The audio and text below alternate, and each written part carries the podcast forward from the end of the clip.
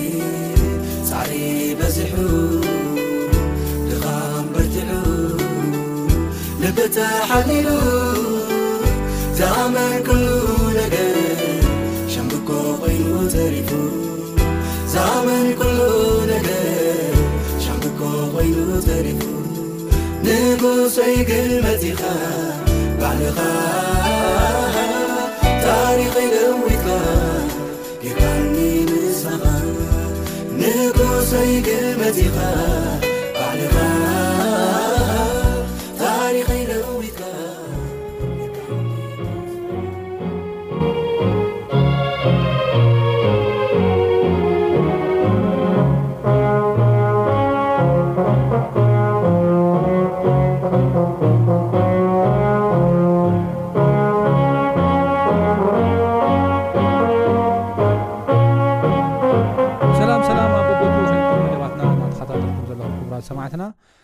ሎሚ ድማ ብምኽንያት ውልደት የሱስ ክርስቶስ እናተኸብረሉ ዘሎ ግዜ ናቱ መቐፀልታ ናይ ዝሓለፈ ዝጀመርናዮ መቐፀልታ ሒዘልኩም ክቐረበ ክሳብ ፍፃሚ መደብና ምሳና ክፀንሑ ብክብሪ ይዕድም ቅድም ኢልና ብዝሓለፈ ከም ዝረኣናዮ ውልደት የሱስ ክርስቶስ ቅድሚ ምርኣይና ንምንታይ እዩ ናብዚ መሬት መጺኡ በዚ ክውለድ ዝተደልየሉ ዋና ምክንያት ዝብል ሓሳብ ኢና ርኢና። እቲ ቀዳማይ ሓሳብን እቲ ዋና ሓሳብን ዝረኣናዮ ተሃለወ እንታይ እዩ? ሓጢኣት ናብዚ ዓለም ስለ ዝኣተወ እዩ። እዛ ዓለምና እዚኣ ብሓጢኣት ስለ ዝጸልመተትን ብሓጢኣት ድማ ስለ ዝተበላሸወትን እዩ። ብሓጢኣት ምብልሻዋ ጥራሕ ግን ኣይኮነን። ነገር ግን ካብዚ ሓጢኣት እዚ ከውጽእ ዝኽእል ወይ ፍጡር ወይ መልኣኽ ስለ ዘየለ እዩ እዛ ዓለም እዚኣ ብዘይ ክርስቶስ ብዘይ እግዚኣብሄር ባዕሉ ተስፋ ስለ ዘይብላ እዩ ስለዚ እግዚኣብሄር ሓዝ ንልና ብዘይ ብኡ ማንም ተስፋ ከም ዘይብልና ስለ ዝፈለጠ ንዓና ንኸድሐን ከም ዝመፀ እዩ መፅሓፍ ቅዱስ ዛሪብና ማለት እዩ እሞ ዓቢ ዝኾነ ሓሳብ ኢና ርኢና እባ ሎሚ ከኣ ቀጻሊ ንሪኦ ሓሳብ እንታይ እዩ እግዚኣብሔር ፍቕሩ ንክገልጽ ናብዚ ክመጽእ ከሎ ሓጢኣተኛታት ከለና ንሕና ካብኡ ርሒቕና ከለና ብገዛእ መንገድና እንኸይድ ሓጢኣተኛታት ክነስና ንዓና ንኸድሕን ክመጽእ ከሎ እዚ ሓሳቡ እዚ ንኣበው ተዛሪቦም ከም ዝነበረ ኢና ንርኢ ፓትርያርክስ እንብሎም ሰባት ሓሳቡ ከም ዝገለጸሎም ኢና ንርኢ። ንኣብነት ኣብ ዘፍጥረት ምዕራፍ ሰለስተ ፍቕዲ ዓሰርተ ሓሙሽተ ኸይና ንርእየሉ እዋን እግዚኣብሄር ምስ ወደቑ ንኣዳም እንሆ ጽልኢ ተክል ኣለኹ ኣብ መንጎኻን ኣብ መንጎ እዛ ተመንን ጽልኢ ተክል ኣለኹ ንሱ ርእስኻ ክጭፍልቕ ካብ ዝረኣ ዝውለድ ካብ ሄዋን ዝውለድ ርእሱ ክቅጥቅጥ እዩ እቲ ተመን ከዓ ሸኾንኡ ክነክስ እዩ ዝብል ሓሳብ ተዋሂቦም ከም ዝነበረ ኢና ንርኢ። እዚ ሓሳብ እዚ ኣዳም ከም ኣዳም ድሕሪኡ ድማ ዝመፁ ናይ ቤተሰብ ሓላፍቲ ኣቦታት ብምልኦም ከም ሓለፍቲ ናይ እግዚኣብሔር ተወከልቲ ኮይኖም እዚ ወንጌል እዚ እዚ ናይ እግዚኣብሔር ፍቕሪ ንከመሓላልፉ ሓላፍነት ተዋሂቦም ነይሩ እዩ። እዚ ሓላፍነት እዚ ካብ ወለዶ ናብ ወለዶ ካብ ወለዶ ናብ ወለዶ ተኣመንቲ ኮይኖም ዝመሓላልፉ ሰባት ነይሮም ነገር ግን ሰነፋት ኮይኖም ድማ ከመሓላልፉ ዘይከኣሉ ሰባት ነይሮም ስለዚ ሕጂ እውን እዚ ወንጌል እዚ ብኣግባቡ ካብ ቤተሰብ ናብ ቤተሰብ ክመሓላለፍ ስለ ዘይከኣለ እግዚኣብሄር ኣብ ዘፍጥረት ምዕራፍ ዓሰርተ ክልተ ፍቕዲ ክልተ ክሳብ ሰለስተ ከምዚ ኢሉ ከም ተዛረበ ኢና ንርኢ። እዚ ሓሳብ እዚ ህዝቢ ከም ዝመረጸ ኢና ንርኢ። እንታይ እዩ ዝብል ኣብ ዘፍጥረት ምዕራፍ ዓሰርተ ክልተ ፍቕዲ ክልተ እግዚኣብሄር ድማ ንኣብርሃም በሎ ካብ ምድርኻን ካብ ኣዝማድካን ካብ እንዳ ኣቦኻን ኣነ ናብ ዘርእየካ ምድሪ ኣቢልካ ውጻእ ንዓብዪ ህዝቢ ክገብረካን ክባርኸካን እየ ንስምካ ከዕብየ ንበረኸት ድማ ክትከውን ኢኻ ንዝባረኹኻ ክባርኾም ንዝረመጋ ክማ ክረግም እየ ዓሌታት ኩላ ምድሪ ድማ ብኣኻ ክባረኹ እዮም ኢሉ ይዛረብ ካብ ሓደ ክሳብ ስለስተ ኸና ንርኢ ኣለዋን ማለት እዩ ስለዚ ኣብዚ ሓሳብ እዚ እግዚኣብሔር ዝሃቦ ወይ ድማ ዝተለሞ ትልሚ ክንርኢ ከለና ንኣብርሃም ዓብዪ ህዝቢ ክገብረካን ከባርኸካን እየ ኢሉ ዓሌታት ምድሪ ኸኣ ብኣኻ ክባረኹ እዮም ወይ ብወለዶታትካ ክባረኹ እዮም ዝብል ሓድሽ ሓሳብ እግዚኣብሔር ከም ዘምጸ ኢና ንርኢ እዚ ማለት ናይ ኣብርሃም ዘርኢ ብፍላይ ድማ ካብ ሳራ ዝወለዶ ይሳቅ ዘርኢ ንሶም ፍሉያት ህዝቢ ገይሩ መሪጹ እቲ ሓሳቡን እቲ ናቱ ትልሚን ንዓለም ንኸፍልጥ ከም ዝወሰነ ኢና ንርኢ ማለት እዩ በዚ መልክዕ እዚ ዓቢ ህዝቢ ኮይኖም በዚሖም ከምቲ እግዚኣብሔር ዝበሎ ጸኒሑ እውን ኣብ ዘጸኣት ምዕራፍ ዕስራን ሓሙሽተን ፍቕዲ ሸሞንተ ኣብ ማእኸልኩም ክነብር መቕደስ ስርሑለይ ኢሉ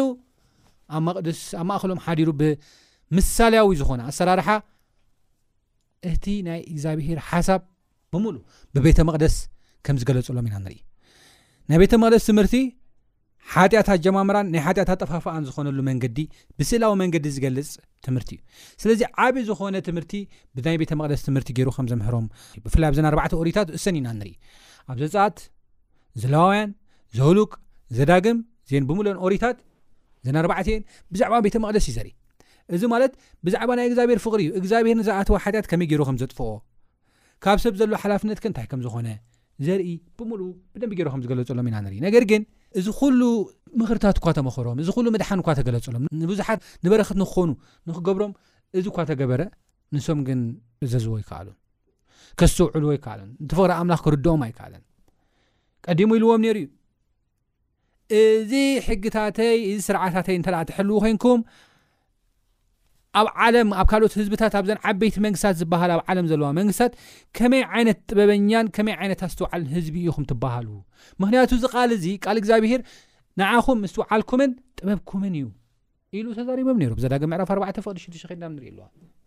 ኣብዚ ዳግም ምዕራፍ ዕስራን ሸሞንተን ከድና ንርኢ ኣለዋ ነገር ግን እሙናት ኮይኖም ክነብሩ ስለ ዘይከኣሉ ተኣመንትን ስለ ዘይኮኑ እዚ በረኸት እዚ ክረኽብዎ ኣይከኣሉን ኣብ ታሪክ ከድና ክንሪኦ ከለና ካብ ምርኮ ናብ ምርኮ ካብ ምርኮ ናብ ምርኮ ካብ ምርኮ ናብ ምርኮ እናበሉ ብስቓይ ግዜኦም ከም ዘሕለፍዎ ኢና ንርኢ ማለት እዩ እዚ ኩሉ ሓሊፉ ኢየሱስ ክርስቶስ ዝመፀሉ ግዜ እናቐረበ ምስ ከደ ኣብዚ ኩሉ ዘመናት እግዚኣብሔር ነቢያታት እናተሰአ ዓበይቲ ሰባት እናተሰአ ይዛረብ ነይሩ እዩ የሱስ ክርስቶስ ክመፅ እዩ የሱስ ክርስቶስ ክመፅ እዩ የሱስ ክርስቶስ ክመፅ እዩ ውልደቱ ቀሪቡ ኣሎ ቅድሚኡ መልእክቲ እኛ ክንለኣኽ እዩ እናተባሃለ እዚ ኩሉ እናተሰብከ እናተነግረ ምንም ስምዒት ኣይፈጥረሎምን እዩ ነይሩ ኩሎም ኣይኮኑን ብርግፅ እግዚኣብሄር ትሩፋት ነይሮሞ እዮም ካብዞም ብምሉኦም ካብ መንገዲ ኣምላኽ ዝረሓቑ ቁሩባት ትሩፋት ነይሮም እዮም ብእምነት ዝፅበይዎ ብእምነት ንናይ ክርስቶስ ምፅኣት ድማ ብባህጊ ሃንቀው ኢሎም ፅበይዎ ነይሮም እዮም ድሕር ክርስቶስ ክመፅእ ከሎ ክውለድ ከሎ ከናብ ንርኢ ኣለዋን ኣይተቐበልዎን ናይ ክርስቶስ ምምፃእ ንመላእኽቲ ናይ ክርስቶስ ምውራድ ናብዚ ምድሪ ንመላእኽቲ ዓብዪ ሓጎስ ዓብዪ ደስታ ዓብዪ ፈስቲቫል እዩ ነይሩ ምክንያቱ ንሱ ድማ ኣማኑኤል ክበሃል እዩ ኣምላኽ ምሳና ዝብል ማለት እዩ ኣምላኽ እዩ ምሳና ኮይኑ እቲ ሰማይን ምድሪ ዝፈጠረ እዩ ምሳና ኮይኑ ስጋ ለቢሱ ምሳና ኮይኑ እቲ ዘለዓለማዊ ዩ ምሳና ኮይኑ እቲ ሓያል ዩ ምሳና ኮይኑ ነገር ግን ምንም ሰባት ከምዘይመሰሎም ኢና ንርኢ ምንም ኣብ ኢሳያስ መራፍ 53 ፍቕዲ ክልተ ከይና ንርእየሉዋን ብዛዕባ ዝነበሮም ስምዒት ከይና ንርእየሉዋን ከምዚ ይብል ብዙሕ ነገር ተዘሪብዎም እዩ እቲ መሲሕ መፅኡ ድማ ከምዘድሕኖም ተነጊርዎም እዩ ነገር ግን ምስ መጸ ምንም ኣይመሰሎምን እንታይ ኢሎም ደድሕሪኡ ነቢ ኢሳያስ ብዛዕባኦም ክዛረብ ከሎ ኣብ ቅድሚኡ ከም ጨንፈርን ከምቲ ንቑጽ ምድሪ ዝወጽእ ሱር ጨብጨበ መልክዕን ውቃበን ኣይነበሮን ምስ ረእናዮ ዘብህገና ትርኢት ኣይነበሮን ንዑቕን ብሰብ ድርቡይን እዩ በዓል ስቓይ ብሕማም ልዱይ ከምቲ ኣብ ቅድሚኡ ገጾም ዝግልብብሉ ሰብ እተዋረደ እዩ ንሕና ገለ እኳ ኣየቋጸርናዮን ንምንታይ ግን? እወ ንሶም ኤክስፔክት ጌሮሞ ዝነበሩ ንሶም ሓሲቦሞ ዝነበሩ ኣዝዩ ዘብህግ ትርኢት ኔርዎ ብሃብትን ብኽብርን ኣጊጹ መልኪዑ ወቂቡ ክመጸሎም እዮም ዝጽበዩ ኔሮም ንሱ ግን ትሑት ኮይኑ ብሰብ ድርቡይ መሲሉ በዓል ስቃይ ብሕማም ልዱይ መሲሉ ልክዕ ኣብ ቅድሚ ገጾም ዝግልብሉ ሰብ ከም እተዋረደ ሰብ ኮይኑ እዩ መፅኡ ንምንታይ እግዚኣብሄር ብደጋዊ ነገር ተሳሒብና ክንመፆ ኣይደልን እዩ ውልደቱ ዘምህረና ነገር እዚ እዩ ብደጋዊ ነገር ተሳሒብና ብሃብቲ ተሳሒብና ብዘሎ ጥቕምታት ተሳሒብና ናብኡ ክንመፅእ ኣይደልን እዩ እቲ ሓሳቡን ፍቕሩን ተረዲእና ኣፍቂርናዮ ፈቲናዮ ምስኡ ክንነብር ወሲንና ክንስዕቦ ወሲንና ክንመጾ እዩ ዝደሊ ዚያ ስለዚ ንዑ የሱስ ክርስቶስ ካብ ትሕት ዝበለ ቤተሰብ ፕላስ ካብ ድኻ ቤተሰብ ተወሊዱ ኖርማል ሰብ ኮይኑ መጺኡ ማለት እዩ ዓለም ብዛዕባ የሱስ ክርስቶስ ኢንዲፈረንት እያ ምንም በቃ ኮንሰርን እውን የብላን ድሌት እውን የብላን ተመፀ ኣይመፀ ምንም ዝመስላ ነገር የብላ ነገር ግን ሰይጣን ንዓለም ከምዚ ገይሩ ኣሳሒቱ ክነሱ እቲ ዓበይ ዓወት ተዓወቶ ግን ነቶም ንዓለም ንበረኸት ክኾኑ እዮም ተባሂሎም ንዓለም ንምድሓን ክኾኑ ብስራቱ ክነግሩ እዮም እዚኦም ንካልኦት ወንጌል ከብፅሑ እዮም ተባሂሎም ዝተገመተሎም ሰባት ግን ንዕኦም ብምስሕሓቱ ግን ዓብዪ ዝኾነ ዓወት ከም ዝረኸበ ኢና ንርኢ ሰይጣን ዓብዪ ዝኾነ ዓወት ንሶም ድልዋት ኣይነበሩን ድልዋት ስለ ዘይነበሩ ከዓ ንካልኦት ኣየበሰሩን ንካልኦት ስለ ዘየበሰሩ ከዓ ዓለም ኣይተቐበለቶን ሓላፍነትካ ዘይምውፃእ ኩሉ ትንቢት ተዘሪቦም ነይሩ እዩ ብድንገት ኣይኮነን መፅዩ ኣብ ትንቢት ዳንኤል ምዕራፍ ትሽዓተ ሸሞንተ ከይዳም ንሪኢ ኣለዋን ብዛዕባ ናይ ክርስቶስ ምፃት መዓስ ኣበይ ከም ዝውለድ ኩሉ ተዘሪቦም ነይሩ እዩ ግን ምንም ኣይመሰሎምን ኣብ ስርሖም፣ ብምድራዊ ሃብቲ፣ ኣብ ምኽዕባት፣ ኣብኡ ናይ ምዕባይ ኣተሓሳስብኦም ብምሉኦ ብውይቶ ተመሊእ ነይሩ ናቲንግ ኬርስ ክርስቶስ መፀ ኣይመፀ ዝግድሶ ሰብ ኣይነበረን ነገር ግን ክርስቶስ ናይ ህይወቶም ቁልፊ እዩ ነይሩ ናይ ምንባሮም ቁልፊ እዩ ነይሩ ንክትዓቢ ናይ ምድራዊ ሓሳብ ንክትሓስብ እኳ ንባዕሉ ዓንዲ ሕቆ ኮ የድልካ ዩ ህወት የድልካ ኮዩ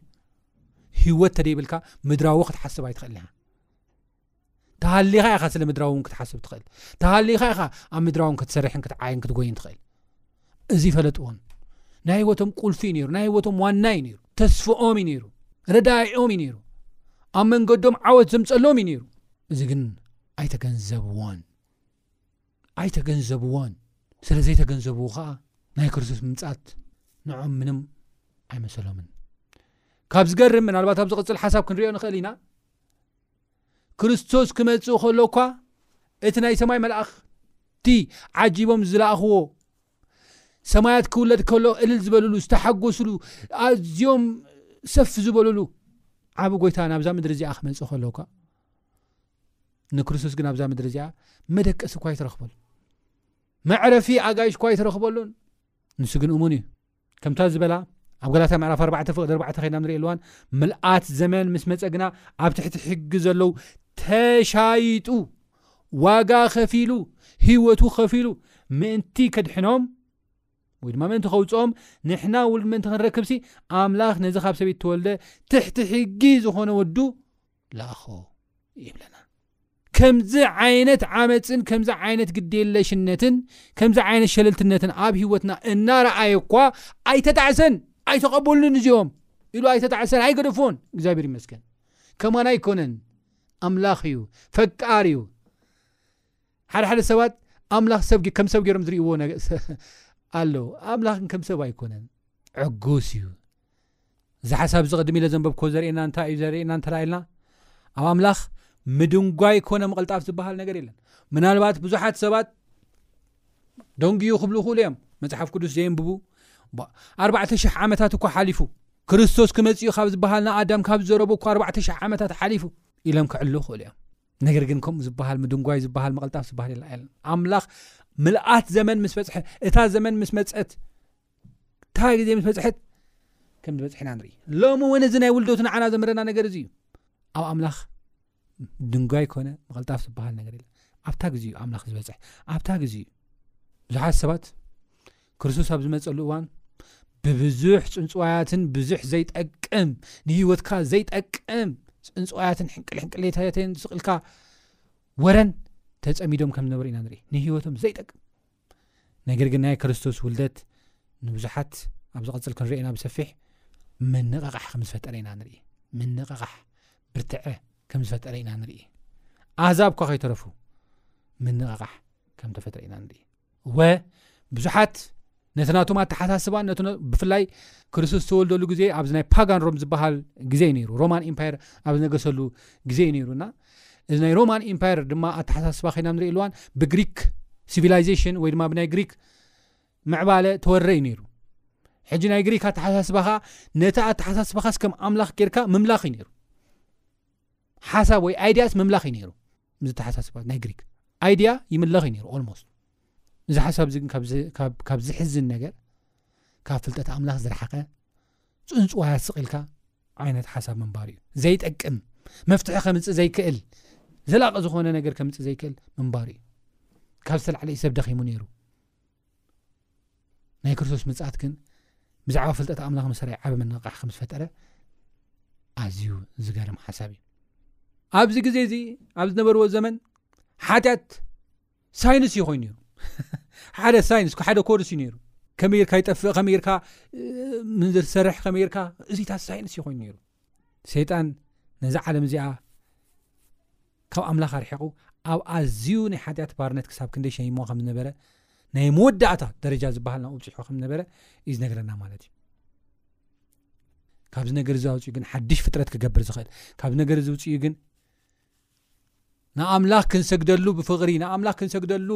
ብእምነት ክንዝምረሉ ዘኽእል ግን ናይ ክርስቶስ ፀጋይ ናይ ክርስቶስ ሂወትን ሞትን እዩ እሞ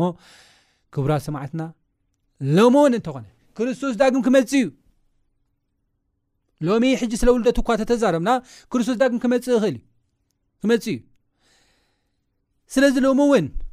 ነቲ ፈጣሪ ሂወትና መድሓኒ ዝኾነ ሂወትና ናይ ሂወትና ቁልፊ ዝሓዘ መፃእ ተስፋና ዝሓዘ ኢየሱስ ክርስቶስ ሎም እውን ልብና ንሃቦ ናብኡ ንምፃእ ቃሉ ነንብብ ብኡ ንደነቕ ከም ፍቓዱ ክንመላለስ ድማ ንጸልይ ናብኡ ንቕረብ ምናልባት እዚ ዘመን እዚ ከምቲ የሱስ ክርስቶስ ዝመፅሉ ናይ ሮማን ግዛኣት ግዜ ከቢድ ክኸውን ይኽእል እዩ ሰባት ዝጭነቕሉ ብብዙሕ ነገር ድማ ዝፍተንሉ ግዜ ክኸውን ይኽእል እዩ ሓድ ሓደ ግዜ ነዚ ግዜ እዚ ተጠቂሙ ሰይጣን ኖ በቃ እግዚኣብሄር ገዲፍካ እዩ ረሲዒካ እዩ ክብለካ ኽእል እዩ ነገር ግን እግዚኣብሄር ኣይረስዕን እዩ ኢማጅን ኣርባዕተ ሽሕ ዓመት ንኣዳም ካብ ዝኣተወሉ ተስፋ ትሒዙ ነ ኣርባዕተ ሽሕ ልዕሊኡን ዓመታት እግዚኣብሔር ኣይረስዖን ተስፉ ይረስዐን ድሕሪ ኣርባዕተ ሽሕ ዓመት ኣብታ ግዜኡ ኣብታ እዋኑ ምልኣት ዘመን ምስ በፅሐ እዩ በንፅ እዩ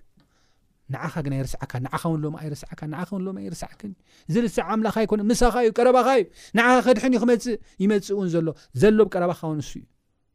ብኣምላኽ ንእመን ናብ ኣምላኽ ንቕረብ እቲ ዝሓለፈ ናይ ውልደት ታሪኹ ኣብኡ ዝነበሩ ህዝብን ንሕና እንተ ዘይተማሂርናሉ ሕጂ እውን ኢየሱስ ክርስቶስ ካልኣይ ክመፅእ ከሎ ንፍርዲ ክመፅእ ከሎ ጉዳይና ንዘለኣለም ሞት እዩ ዝኸውን ማለት እዩ እሞ ምሕረት ክንረክብ ካብቲ ዝሓለፈ ልኡኽ ንክንምሃር እግዚኣብሔር ፀጉ የብዝሓልና ኣብ ዝቐፅል ብካልእ ክሳብ ንራኸብ ሰላም ኩኑ ጎይታ ይባረኩም